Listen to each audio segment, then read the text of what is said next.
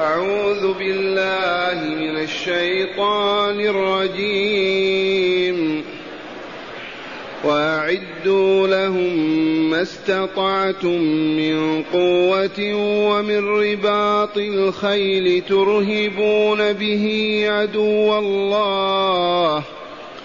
ترهبون به عدو الله وعدوكم وآخرين من دونهم لا تعلمونهم الله يعلمهم وما تنفقوا من شيء في سبيل الله يوفى إليكم وأنتم لا تظلمون وإن جنحوا للسلم فاجنح لها وتوكل على الله إنه هو السميع العليم وإن يريدوا أن يخدعوك فإن حسبك الله هو الذي أيدك بنصره وبالمؤمنين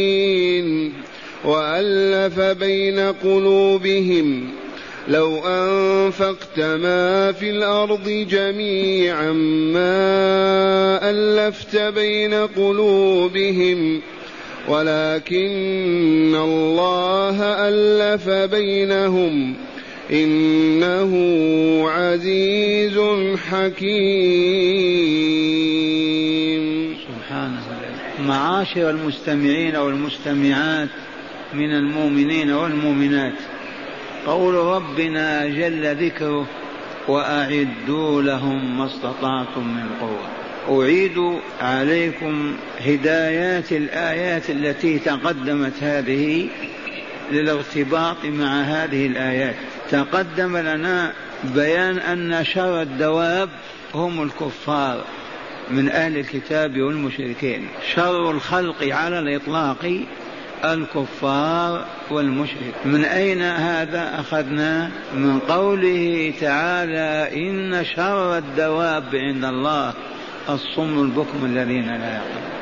إن شر الدواب عند الله الذين كفروا. وآية البينة إن الذين كفروا من أهل الكتاب والمشركين في نار جهنم خالدين فيها أولئك هم شر البرية. ثانيا سنة الله في من توغل في الظلم والشر والفساد. يحرم التوبة فلا يموت إلا كافرا. من أين أخذنا هذا؟ من قوله فهم لا يؤمنون.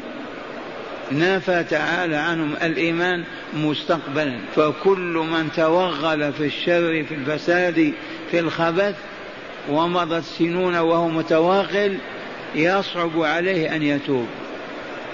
ما يقوى على أن يتوب ولا يقدر عليه.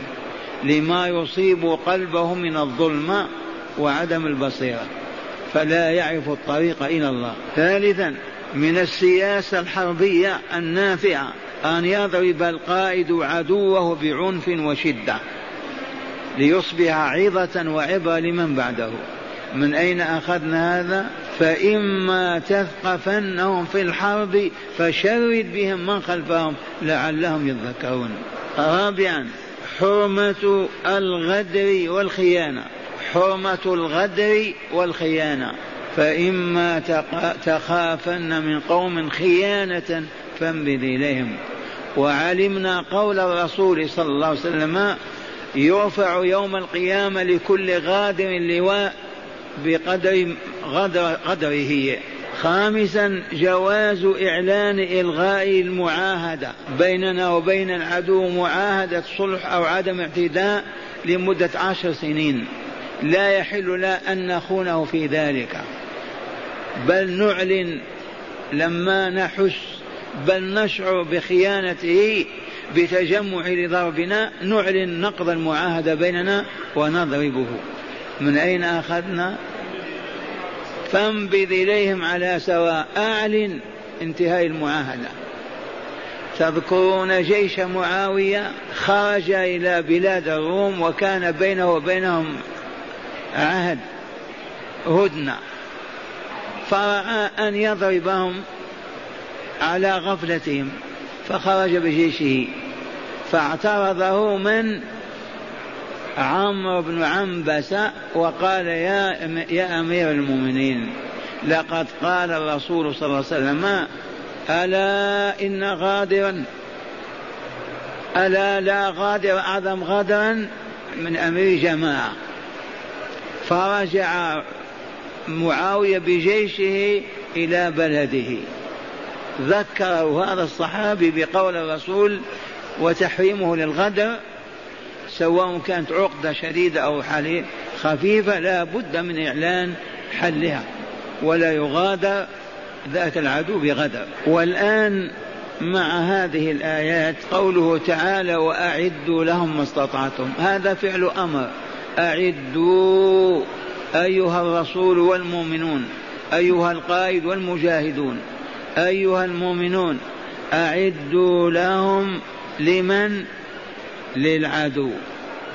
ما استطعتم من قوة. هذا ما يعرف بالسلام المسلح وبالسلم المسلح. يجب على الدولة الإسلامية على إمام المسلمين أن يعد هو وأفراد أمته من القوة ما استطاعوا. بمعنى يبذلوا كل جهدهم وطاقتهم حتى يعجزوا. ما داموا قادرين على جمع المال ووضع وشراء السلاح وصنعه لا يعذرون. بهذا الأمر الالهي وأعدوا لهم ما استطعتم من قوة. وكلمة قوة ناكرة وتنوعت الآن أنواع القوى. اذا على المسلمين وإن عاهدوا عدوهم وكان بينه وبينهم عهد مدة عشر سنين على الراجح عليهم أن يعدوا أنفسهم للقتال. وبذلك بإعداد العدة الكافية التي يبذلون فيها كل جهدهم حتى يعجزوا. ما داموا قادرين لا بد وأن يدفعوا وأن يشتروا السلاح أو يصنعوا. وأعدوا لهم ما استطعتم من قوة ومن رباط الخيل ترهبون به عدو الله وعدوكم. رباط الخيل في ذلك الزمن الذي يملك الخيول والفرسان هو الذي ينتصر في المعارك. إذا القتال كان على الأرجل وعلى الخيول. إذا فالثغور التي بينكم وبين عدوكم يجب أن تجعلوها رباطا لخيولكم. الثغور التي منافذ للعدو أن يدخل بها إليكم على دياركم يجب أن تكون فيها فرسان على خيولهم. إذا شاهدهم العدو ارتعد وخاف وهرب. ومن رباط الخيل ترهبون به عدو الله وعدوكم. هذا إخبار الله العليم الحكيم. هل يخطئ الله في خبر؟ تعالى الله عن ذلك علوا كبيرا. من رباط الخيل ترهبون به عدو الله وعدوكم. من هو عدو الله؟ من كفر به؟ من كذب برسالته؟ من أنكر لقاءه البعث؟ يوم القيامة له هذا هو الكافر هذا هو عدو الله. وعدوكم الذين يتربصون بكم الدوائر ويريدون أن يضربوكم ويدخل في هذا بنو قريظة وبنو النضير يدخل فيه المجوس النصارى الكل متربص بالإسلام وأهله. ترهبون به عدو الله وعدوكم وآخرين من دونهم لا تعلمونهم الله يعلمهم. هل هذا النوع من الأعداء؟ جائز أن يكون من الجن وجائز أن يكون الفرس والروم وجائز أن يكون اليهود وجائز أن يكون المنافقون. إذ هناك أعداء ما يعرفهم رسول الله والمؤمنون. وهم يتربصون بالمؤمنين دوائر السوء. هذا أمر الله عز وجل وليس بمنسوخ وهو لفظ عام غير مقيد ولا مخصص محكم غير منسوخ. يجب على المسلمين في أي ديارهم أن يعدوا من العتاد الحربي بحسب وقته وزمانه. الآن لا معنى للخيول ولا للرباط فيها. لكن تربط الآن السيارات والدبابات الطائرات على اختلاف أنواعها الصواريخ على اختلاف أنواعها. المهم أن نبذل ما استطعنا. يساهم المؤمنون في إعداد هذه العدة حتى يصلوا إلى مستوى لا قدرة لنا. وحينئذ يعذرون ويعفى عنهم. وأعدوا لهم ما استطعتم من قوة. ثم قال ومن رباط الخيل ترهبون بعدو الله. إذا علمت الأمة التي تريد أن تحاربنا أننا نملك سلاحا مدمرا ونملك رجالا أقوياء يهابوننا ويخافوننا. لكن إذا كشفوا عن عورتنا وعرفوا أننا لا نملك شيئا سهل عليهم ذلك أن يغزون ويقاتلوننا. ولا يقول أن قائل لا بد من رباط الخيل لأن الآية نصف رباط الخيل. الآية نصف رباط الخيل لما كانت الخيول هي السلاح الأعظم عند الأمم والشعوب. الآن من يقول الآن الخيل؟ ولكن رباط الثغرات المملوءة بالرجال والسلاح على اختلاف أنواعه. ولا يقولن قائل كيف ندمر العدو بالصواريخ فنقتل النساء والأطفال؟ هذا القول أيضا مردود وباطل. يقاتلون بتلك السلاح نقاتلهم بذلك السلاح. لماذا هم لا يتحاشون أن يضربون بصاروخ يدمر النساء والرجال ونحن نتحاشى ذلك؟ لا بد وجزاء سيئة سيئة مثلها. وهكذا يأمر تعالى رسوله والمؤمنين بقوله وأعدوا أحضروا وهيئوا لهم أي للعدو. من العدو؟ مشركو مكة. إذ القضية بعد بدر وإلا لا؟ ما إن رجع أبو سفيان إلى بدر إلى مكة حتى أعلن التعبئة العامة وأخذ يجمع الأموال من النساء والرجال. إذا وأنتم أعدوا لهم ما استطعتم من قوة. ومن رباط الخيل ترهبون به عدو الله وعدوكم. إذا شاهد سلاحكم قوية ورجالاتكم أقوياء قادرة على القتال يخافكم ويرهبكم ولا يقدم على قتالكم. وآخرين من دونهم لا تعلمونهم. ما كان الرسول وأصحابه يفكرون في قتال فارس أو الروم أبدا أو الأحباش. هؤلاء ما كانوا يفكرون في قتالهم همهم في قتال الكفار والمنافقين واليهود في الجزيرة. وآخرين من دونهم لا تعلمونهم الله يعلمهم. وهذا إلى اليوم الله يعلم أعداء رسوله المسلمين في كل زمان ومكان. ولهذا على المسلمين دائما أن يكونوا على حذر على أتم الاستعداد. وإن أعدوا العدة ولم يقاتلوا أربعين خمسين سنة غير مهم. المهم أن تكون العدة والعتاد حاضرتين. رجال وسلاح. رجال أهل خبرة وسلاح نفاذ أيضا مدمر وفتاك. وقوله تعالى وما تنفقوا من شيء في سبيل الله لأن إعداد السلاح إعداد رباط الخيل يحتاج إلى مال. الرسول وحده ما عنده شيء. من يجمع المال؟ المؤمنون. فلذا قال لهم وما تنفقوا من شيء في سبيل الله يوفى إليكم وأنتم لا هذا وعد الله الصادق. وما تنفقون من مال من أجل إعداد العدة لإرهاب العدو ولقتاله إذا قاتل واعتدى ما تنفقونه من أموال من حلي النساء من أموال من الأموال الصامتة أو الناطقة. كل ذلك يعوضكم الله خيرا منه على شرط أن يكون في سبيل الله. وما تنفقوا من شيء في سبيل الله. أي في الطريق الموصل إلى رضا الله ألا وهو الإسلام الذي هو إسلام القلوب والوجوه لله رب العالمين. أما إعداد عدة وإنفاق مال لا يراد به الإسلام فلا خير فيه ولا يعوض الله أهله ولا يأمرهم بذلك ولا ينهاهم عنه. لكن ما دام القتال لإعلاء كلمة الله لنشر دعوة الله لهداية الخلق فهو في سبيل الله. هكذا يقول تعالى وقوله الحق وما تنفقوا من شيء في سبيل الله. هذا القيد. يوفى إليكم يعطوا تعطونه أكثر مما كان. وأنتم لا تظلمون درهما واحدا ولا أقل من درهم. لأن الغني الكبير العظيم هو الله. إذا أنفقوا ويعوضكم أكثر مما أنفقتم. ولا يظلمكم درهما واحدا.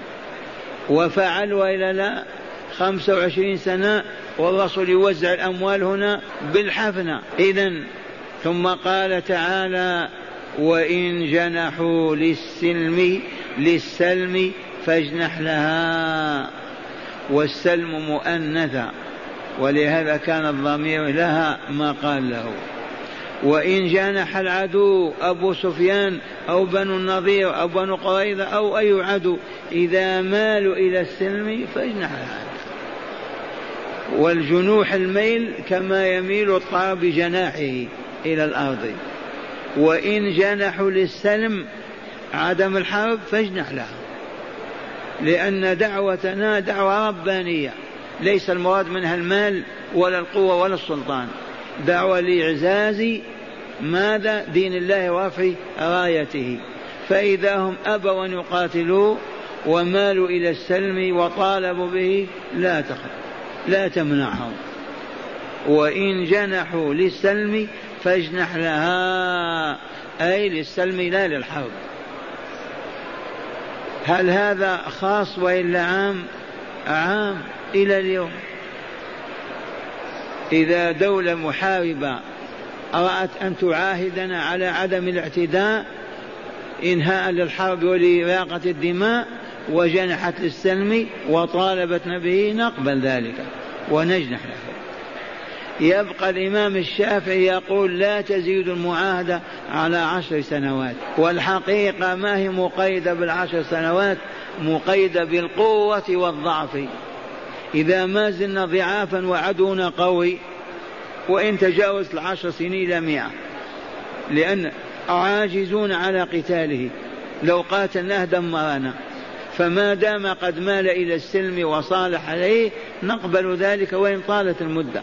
ولكن علينا أن نعد العدة وأعدوا لهم ما استطعتم ما نقول ما دمنا معاهدين للكفار ولا حرب بيننا نلهو ونلعب ونأكل البقلاوة ولا نصنع سلاح ولا نعد عدة فهذا خطأ وحرام ولا يجوز. بل الفرصة الذهبية أننا نأمن العدو بالمصالحة حتى نعد عدتنا حتى نهيئ أنفسنا حتى نقوى على قتال لو قاتلنا والعدو لا يؤمن أبدا جانبه لأنه كافر كافر له عهد ميثاق مجرد خوف فقط. يوم ما يعرف أنه أقوى يهاجم ينقض العهد. وإن جنحوا للسلم فاجنح لها وتوكل على الله. اجنح للسلم واقبل السلم بدل الحرب متوكلا على الله عز وجل وهو يكفيك. لا تقول ما نستطيع نعاهد يخونوننا ينقضون علينا بالليل. الجواب لا ما دام طالبوا بالمصالحة بالهدنة لرفع الحرب بيننا وبينهم نتوكل على الله ننفذ هذا الحكم وننجزه متوكلين على الله. فقال تعالى وتوكل على الله إنه هو السميع العليم.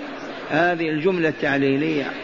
السميع لأقوال عباده العليم بأفعالهم فهو يعلم فإذا خانوك علمك بخيانتهم قبل أن تظهر عنهم لأنه يعرف أحوالهم ويسمع أقوالهم. إذا ففوض أمرك إليه واجنح إلى السلم كما جنحوا إليه وتوكل على الله وفوض أمرك إليه ولا تخف.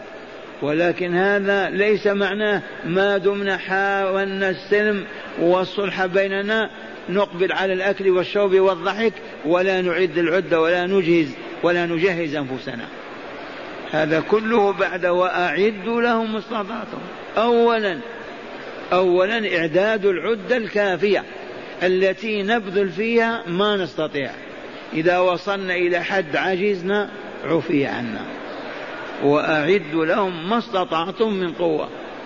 وقوله أمن عبارة الخير إشارة أيضا إلى أنواع العتاد يجب أن يكون بحسب زمانه بحسب وقته.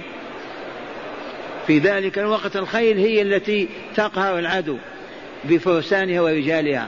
والآن لا شك أنها النفاثات والصواريخ والذرة فعلى المسلمين أن يبذلوا ما في استطاعتهم حتى يصبحوا أقوياء في نظر العدو أقوى منهم.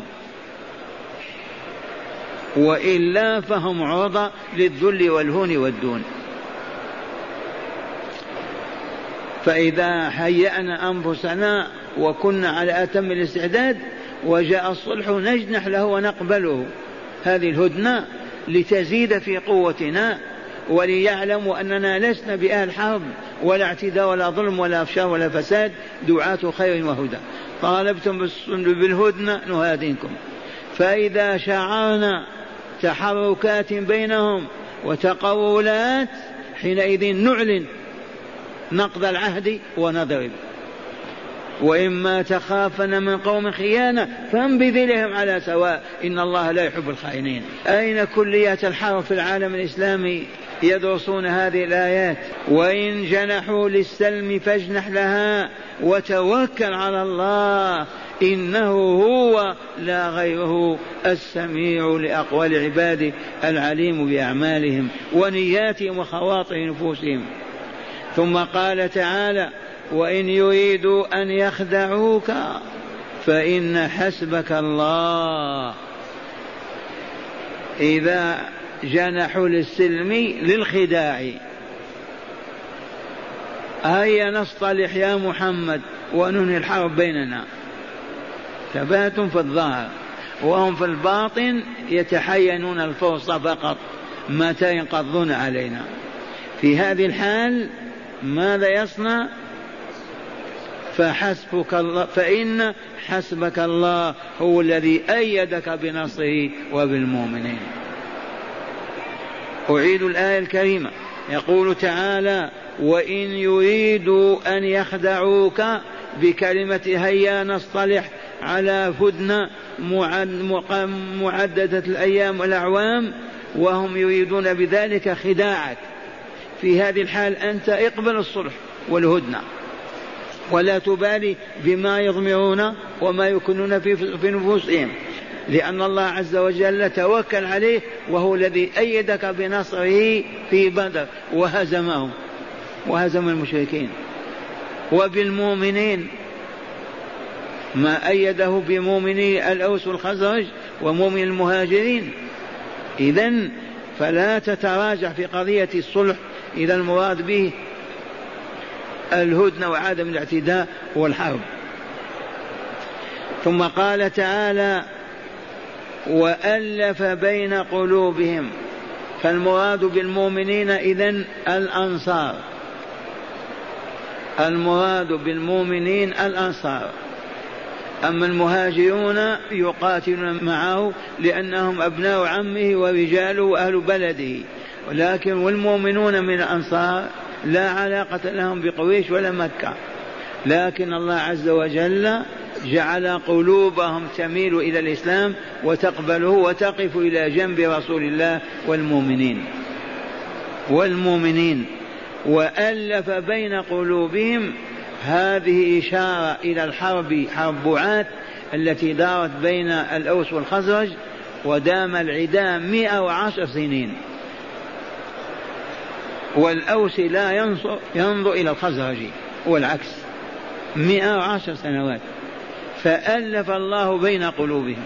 كيف ألف بين القلوب؟ جامع بين القلوب. كما تؤلف الكتاب كلمة إلى كلمة. أصبحوا قلب رجل واحد على قلب واحد. من يفعل هذا سوى الله؟ إذا توكل عليه إذا دعيت إلى الصلح ولا تخاف. أبدا. إذ هو الذي أيدك بنصره وبالمؤمنين وألف بين قلوبهم لو أنفقت ما في الأرض جميعا ما ألفت بين قلوبهم.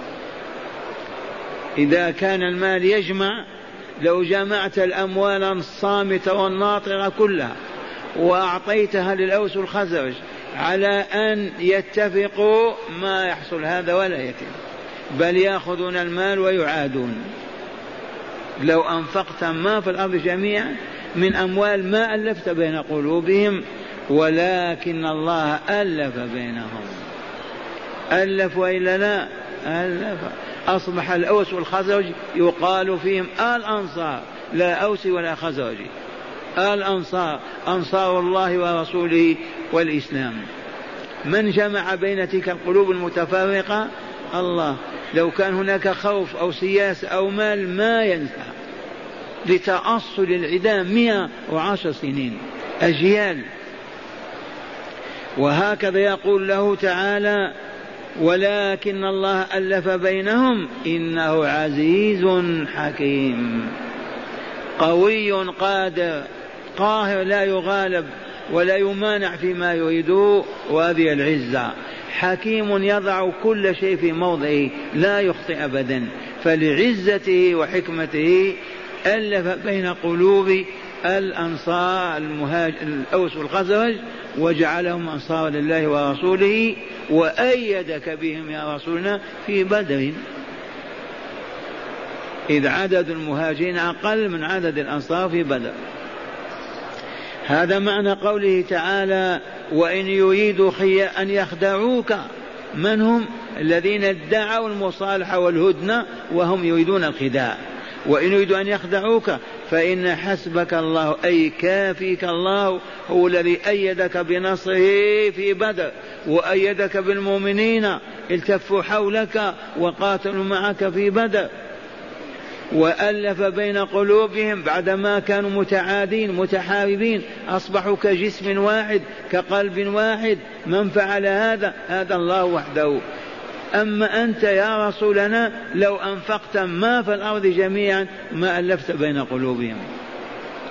ولهذا إذا أراد إنسان أن يجمع بين قلوب أناس وقال أوظفهم وأعطيهم الأموال وكذا وبذلك يهدؤون ويسكنون والله ما سكنوا.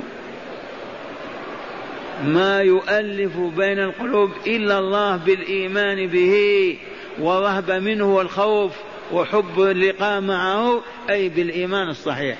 أما بالمال والسياسة ما تنفع. الله الذي يؤلف بين القلوب يؤلف بين قلوب الفجار والظلمة والفسق والمجرمون والله لو تملأ بيوتهم بالذهب والفضة ما أحبوك ولا مشوا وإنما إذا آمنوا ودخلوا في الإسلام وعرفوا الله وأحبوا وأحبوا ما عنده حينئذ كلمتهم واحدة ولو كانوا ألف مليون. مرة ثانية هذه نقطة سياسية. من الخطأ أن يقال هذا الهيجان في البلاد سببه الفقر أو عدم المال فهيا نغدق عليهم المال نسد حاجاتهم بالوظائف بكذا ليسكتوا. والله ما ينفع. ما يسكتهم إلا أن تعرفهم بربهم. فيؤمنوا به ويعرفوه. إلا أن تجمعهم على تقوى الله عز وجل. فحينئذ تتحد قلوبهم. أما بالمادة فقط والآية شاهد. لو أنفقت ما في الأرض جميعا ما ألفت بين قلوبهم. سياسة هابطة من سياسات الأوروبيين يقول في الإمكان أن ماذا؟ هذا النزاع الموجود في دياركم أو بينكم أو كذا ينهى بالوظيفة والمال ويسبحون في الباطل والشر ويسكتون. وهذا لن يكون أبدا. بدليل قوله تعالى لو أنفقت ما في الأرض جميعا من الذهب الناطق والصامت والحيوانات ما ألفت بين قلوبهم فالذي يجمع قلوب الأمة أو أهل القرية أو الأسرة هو الإيمان الصحيح بالله عز وجل. هو حب الله وحب ما عند الله والرغبة في الله وفيما عنده. فمن أراد أن يجمع شعبا أو فردا أو أمة عليه أن يجمعهم على تقوى الله عز وجل.